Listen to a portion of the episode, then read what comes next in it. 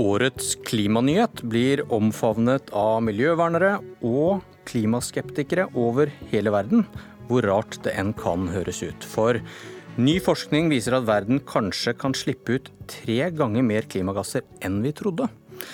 Dette viser at vi likevel kan nå Parismålene, jubler miljøvernerne. Hva var det vi sa, du kan ikke stole på tallene til klimaforskerne, jubler klimaskeptikerne. Velkommen til Politisk kvarter. Kjetil Bragli Alstaheim, politisk redaktør i Dagens Næringsliv. Det var, det var du som kåret dette til årets klimanyhet. Og hva er det forskerne tror, tror de kan ha funnet ut? Dette handler om det man har kalt karbonbudsjettet i verden.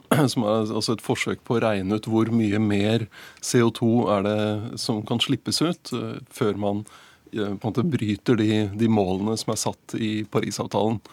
Og eh, I Parisavtalen ble det satt to mål. Det ene var at oppvarmingen skulle holdes godt under to grader. Sammenlignet med nivået fra før den industrielle revolusjonen og at verden også skal strebe mot å holde det nede på 1,5 grader. Det, det, er særlig sånne små øystater som Fiji og Marshalløyene og sånn er veldig opptatt av det. fordi det betyr eh, altså Skal de synke i havet eller, eller ikke? Forskjellen ligger et sted mellom 1,5 og 2 grader, sannsynligvis. Men, men, da, men da når, når, de kommer nå til at eh, verden kan kanskje tåle tre ganger så store CO2-utslipp, hvordan kunne de bomme så grovt? Altså, de har, eh, de har, eh, de har de kjører sånne svære klimamodeller eh, der de putter inn alt det vi vet, eller de vet, om hvordan klimasystemet fungerer. Og så, de, så prøver de å regne seg frem. Hva skjer hvis man slipper ut så og så mange tonn? Til nå så har man startet de modellene i 1850, altså da den industrielle revolusjonen begynte, å fyre med kull og, og, og sånt. Eh, og så regnet fremover. Nå har de eh, i stedet begynt med der vi er nå, hva vi har sett nå, og så prøvd å regne eh, fremover derfra. Og det, det gir en veldig stor, eh, stor forskjell.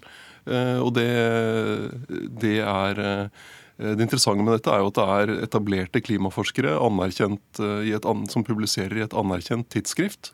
Men det er én modell. Eh, det er én vitenskapelig artikkel, og er, det er veldig mye diskusjon i, blant forskerne nå om eh, er det riktig eh, det bildet de gir.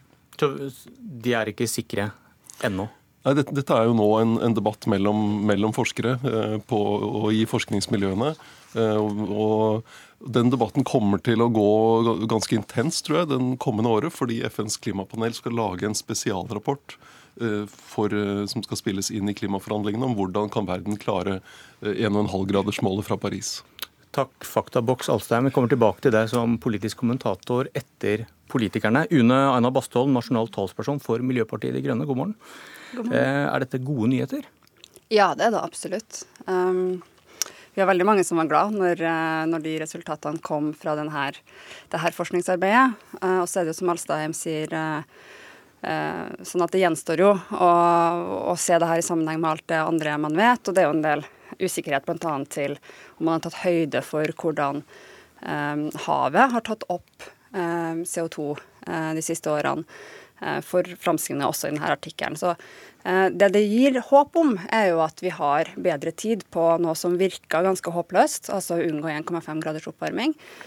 fordi det lå an til at vi hadde sånn fire-fem år på, med dagens utslipp Eh, for, for, å kunne unngå mer enn 1,5 graders oppvarming. Og nå kan altså Norge ha det som mål, eh, og det kan være politisk mulig. Og det er jo veldig bra. Hvis vi tar, for gitt at dette her blir etablerte fakta, da, hvis dette stemmer. I, mm. i deres, i Miljøpartiet De Grønnes program står det at de neste fem til ti årene er kanskje vår siste mulighet til å stanse utviklingen. Også derfor så konkluderer med at all leting etter olje og gass i Norge må stanse med en gang. Mm. Hvis da dette stemmer, verden har bedre tid enn vi trodde. Da bør dere endre programmet også? Nei, det bør vi ikke. Altså, for det første så uh, er jo det Norge bør gjøre på olje, bør vi gjøre uansett. fordi at den vi har men, nå... Men dere, dere sier fordi vi har fem til ti år på oss, ja. så må vi stanse oljeleting nå. Og hvis vi har lengre tid, ny kunnskap om det mm. Vi kommer aldri til å vite akkurat hvor lang tid vi har, uh, og derfor bør vi ha føre var-prinsippet i, i bunn. Eh, den, det scenarioet som vi får nå med forskningsartikkelen her, er jo at for å ha 66% sannsynlighet for at vi kan nå 1,5 graders oppvarming, så har vi 20 år på oss med dagens utslipp. Eh, med regjeringa eh, sitt tempo i dag på utslippskutt, så vil jo de bruke 2000 år. Så det er den store forskjellen. Og så er jo oljedebatten en veldig viktig del av det her for Norge, fordi at vi nyter godt av i dag at hele Paris-systemet ikke Eh, regner med eh, produksjon av olje og gass, men bare se på hvor mye olje og gass og altså fossil energi Men, men det, jeg prøver, det, jeg prøver, å forstå, er at dere baserer deres politikk i dag på tidligere kunnskap. Hvis man mm. da får ny kunnskap om at vi har bedre tid, hvorfor endrer dere ikke da politikken? Nei, altså, Vi har det uansett veldig travelt. Altså 20 år med dagens utslipp er travelt for et samfunn for at det her skal også være politisk mulig. Så En ting er jo hva som er geofysisk mulig, en annen ting er hva vi er nødt til å gjøre som samfunn. og Da må vi holde Men dere sier, dere sier 5-10 år. Dere må vel, eh, er det ikke logisk at hvis vi har, har 20 år på oss, da, så, har, så trenger ikke denne oljestansen å bli så dramatisk som MDG ønsker? Er ikke det, det er ikke naturlig med ny kunnskap? Veldig, det er ikke så veldig dramatisk med 15-20 år med utfasing, fordi det er ca. den tida det vil ta om vi ikke åpner nye oljefelt. Og Det er flere grunner til at Norge ikke bør åpne nye oljefelt. Én ting er jo vår egen økonomiske sikkerhet. Men du snakker om noe annet. Jeg snakker om de 5-10 årene som er basis for deres slutning da, om at vi må stanse ja, all olje. Hvis det blir 20 år, så kan vi vel bruke lengre tid i Norge, da? Ville du satt deg inn i et fly som hadde 66 sjanse for å komme fram, eller ville du satt deg inn i et fly som hadde 100 sjanse for å komme fram? Og det er 100 vi må prøve å nå. og Derfor er alle utslippskutt som eh, vi klarer å kutte som samfunn, veldig viktig, og det vil gjøre at vi klarer å unngå eh, katastrofale ja, ekstremvær og den typen flom, tørke, som vi har sett eh, i løpet av valgkampen i Norge også. Ok, Terje Søviknes, olje- og energiminister fra Fremskrittspartiet, god morgen til deg også. Vi gjør samme øvelse, vi tar en liten titt i ditt program. Der står det at advarslene fra FNs klimapanel kan være alvorlige. Dere virker ikke helt overbevist, og hva gjør en sånn endring i beregningene fra klimaforskerne nå med din tiltro til dem? Jeg syns det, dette først og fremst viser noe Fremskrittspartiet har pekt på ganske lenge, nemlig at vi må ha mer kunnskap uh, på klimaområdet. Eh, nå viser nye modellkjøringer at man får litt andre resultat enn det man gjorde for bare få år tilbake. Men svekker det din tiltro til klimapanelet? Nei, for så vidt ikke. fordi... Eh, Hvorfor ikke? Det, nei, fordi at det er allerede uh, forbundet med veldig stor usikkerhet, de modellkjøringer som er gjort. Altså, du stoler ikke kjøre, på det utgangspunktet? Nei, det å kjøre den type modellkjøringer som vi viser til her, veldig kompliserte modeller, og det er veldig avhengig av hva input du gir disse modellene, hva du faktisk får ut i resultatet i andre enden. Og det har vi påpekt underveis her, at man må ikke ta disse her beregningene for å være liksom 100 sannheten. Eh, og det viser godt uh, uh, igjen når vi nå da får nye modeller, så modellkjøringer som viser helt andre resultat enn tidligere. Så det er hefta med stor usikkerhet, og det har vi sagt hele veien. Derfor er kunnskap og forske videre og få fram best mulig grunnlag for beslutningstakerne ekstremt viktig for men, Fremskrittspartiet. Men regjeringen din tror vel på klimapanelets konklusjoner? Jo, og jeg sier ikke at ikke vi tror på de. Vi skriver at det kan være, kan være alvorlig. Ja, og så sier vi at vi tar tar òg et føre-var-prinsipp inn og legger til grunn at vi er nødt til å kutte klimagassutslipp. Og Det gjør vi gjennom den olje-, og gass- og energipolitikk Norge har lagt til grunn og regjeringa har lagt til grunn. Vi skal nå målene om 40% kutt i henhold til eh, Parisavtalen eh, i 2030 i forhold til utgangspunktet i, i 1990. Bastholm, hva tror du ny kunnskap om at verden har mer CO2 å brenne, vi har bedre tid. Kanskje. Hvor, kanskje vi tar med den kanskje. Eh, hvis det da blir sånn, hvordan tror du det vil virke inn i klimadebatten? I Norge og internasjonalt? Um, det betyr jo det, Forhåpentligvis så betyr det at uh, regjeringa som uh, i Norge f.eks. vil begynne å snakke om å unngå 1,5 istedenfor å snakke om å unngå 2 graders oppvarming. Uh, det vil jo være veldig bra for de øystatene som Alstein var inne på, Fiji bl.a. Um, og det vil gjøre at det er mye lettere å mobilisere håp uh, og ja, mobilisere for det grønne skiftet. Uh, fordi det nå har gått fra å være geofysisk nesten umulig og politisk umulig uh, til at det faktisk går an. Men og det vil jo endre han, debatten og også sette høyere krav tror jeg, til land som Norge. Det er han som styrer, og du hører hva han sier? Ja, og det som jeg syns er mest urovekkende ved dagens regjering, er jo at, og i hvert fall, hvert fall oljeministeren her, da, er jo at Eh, den usikkerheten som er rundt klimaforskninga, det har alle visst hele tida, at det her er modeller. Eh, kloden er et svært økosystem som er helt umulig å putte inn i en lab. Eh, og Derfor baserer man seg jo på ulike scenarioer med 33% sannsynlighet eller 66% sannsynlighet for å unngå ulik grad av oppvarming. Og så er det her enda et forskningsresultat som vil komme inn i det svære bassenget av, av forskning som IPCC, det internasjonale klimapanelet, vil vurdere.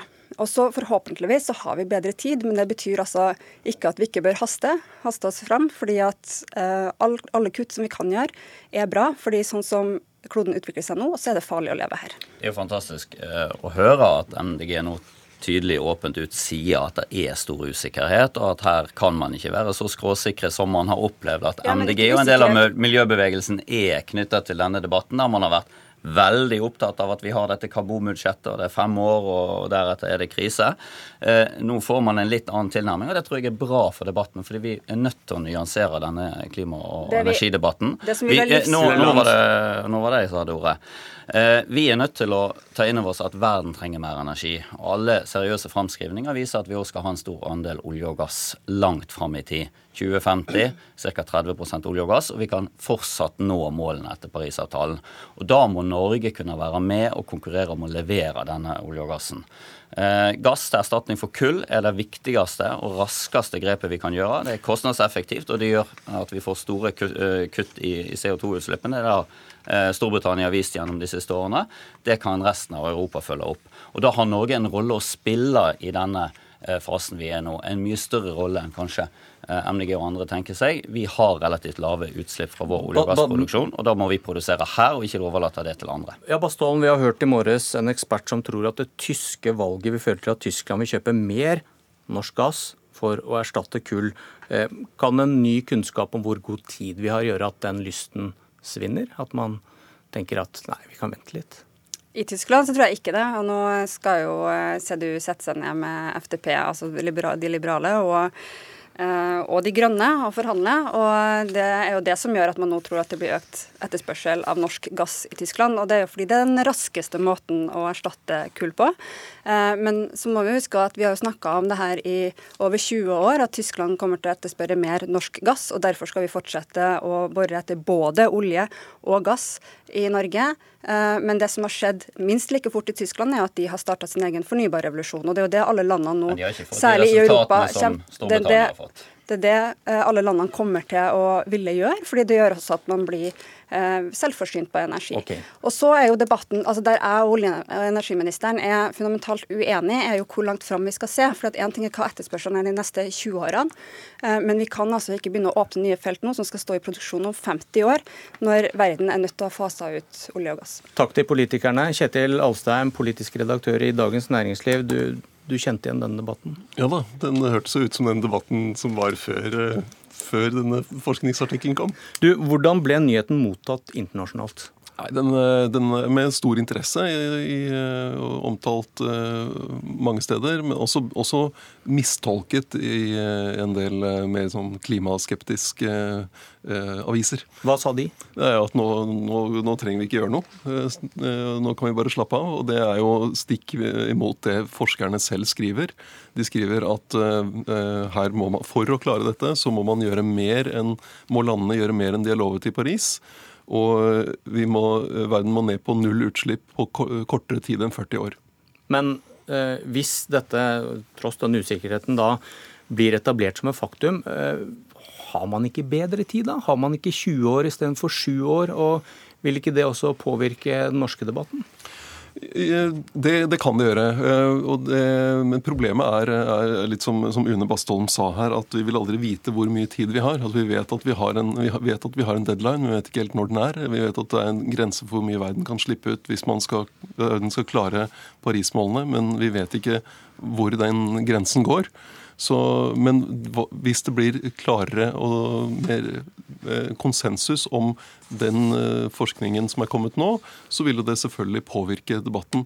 Men det handler også om at et mål som ble sett på som egentlig uh, umulig å nå, 1,5-gradersmålet, nå kanskje er mulig å nå likevel. Vi kommer tilbake til denne saken, for dette var mye usikkerhet. Jeg heter Bjørn Myklebøst, og dette var Politisk kvarter.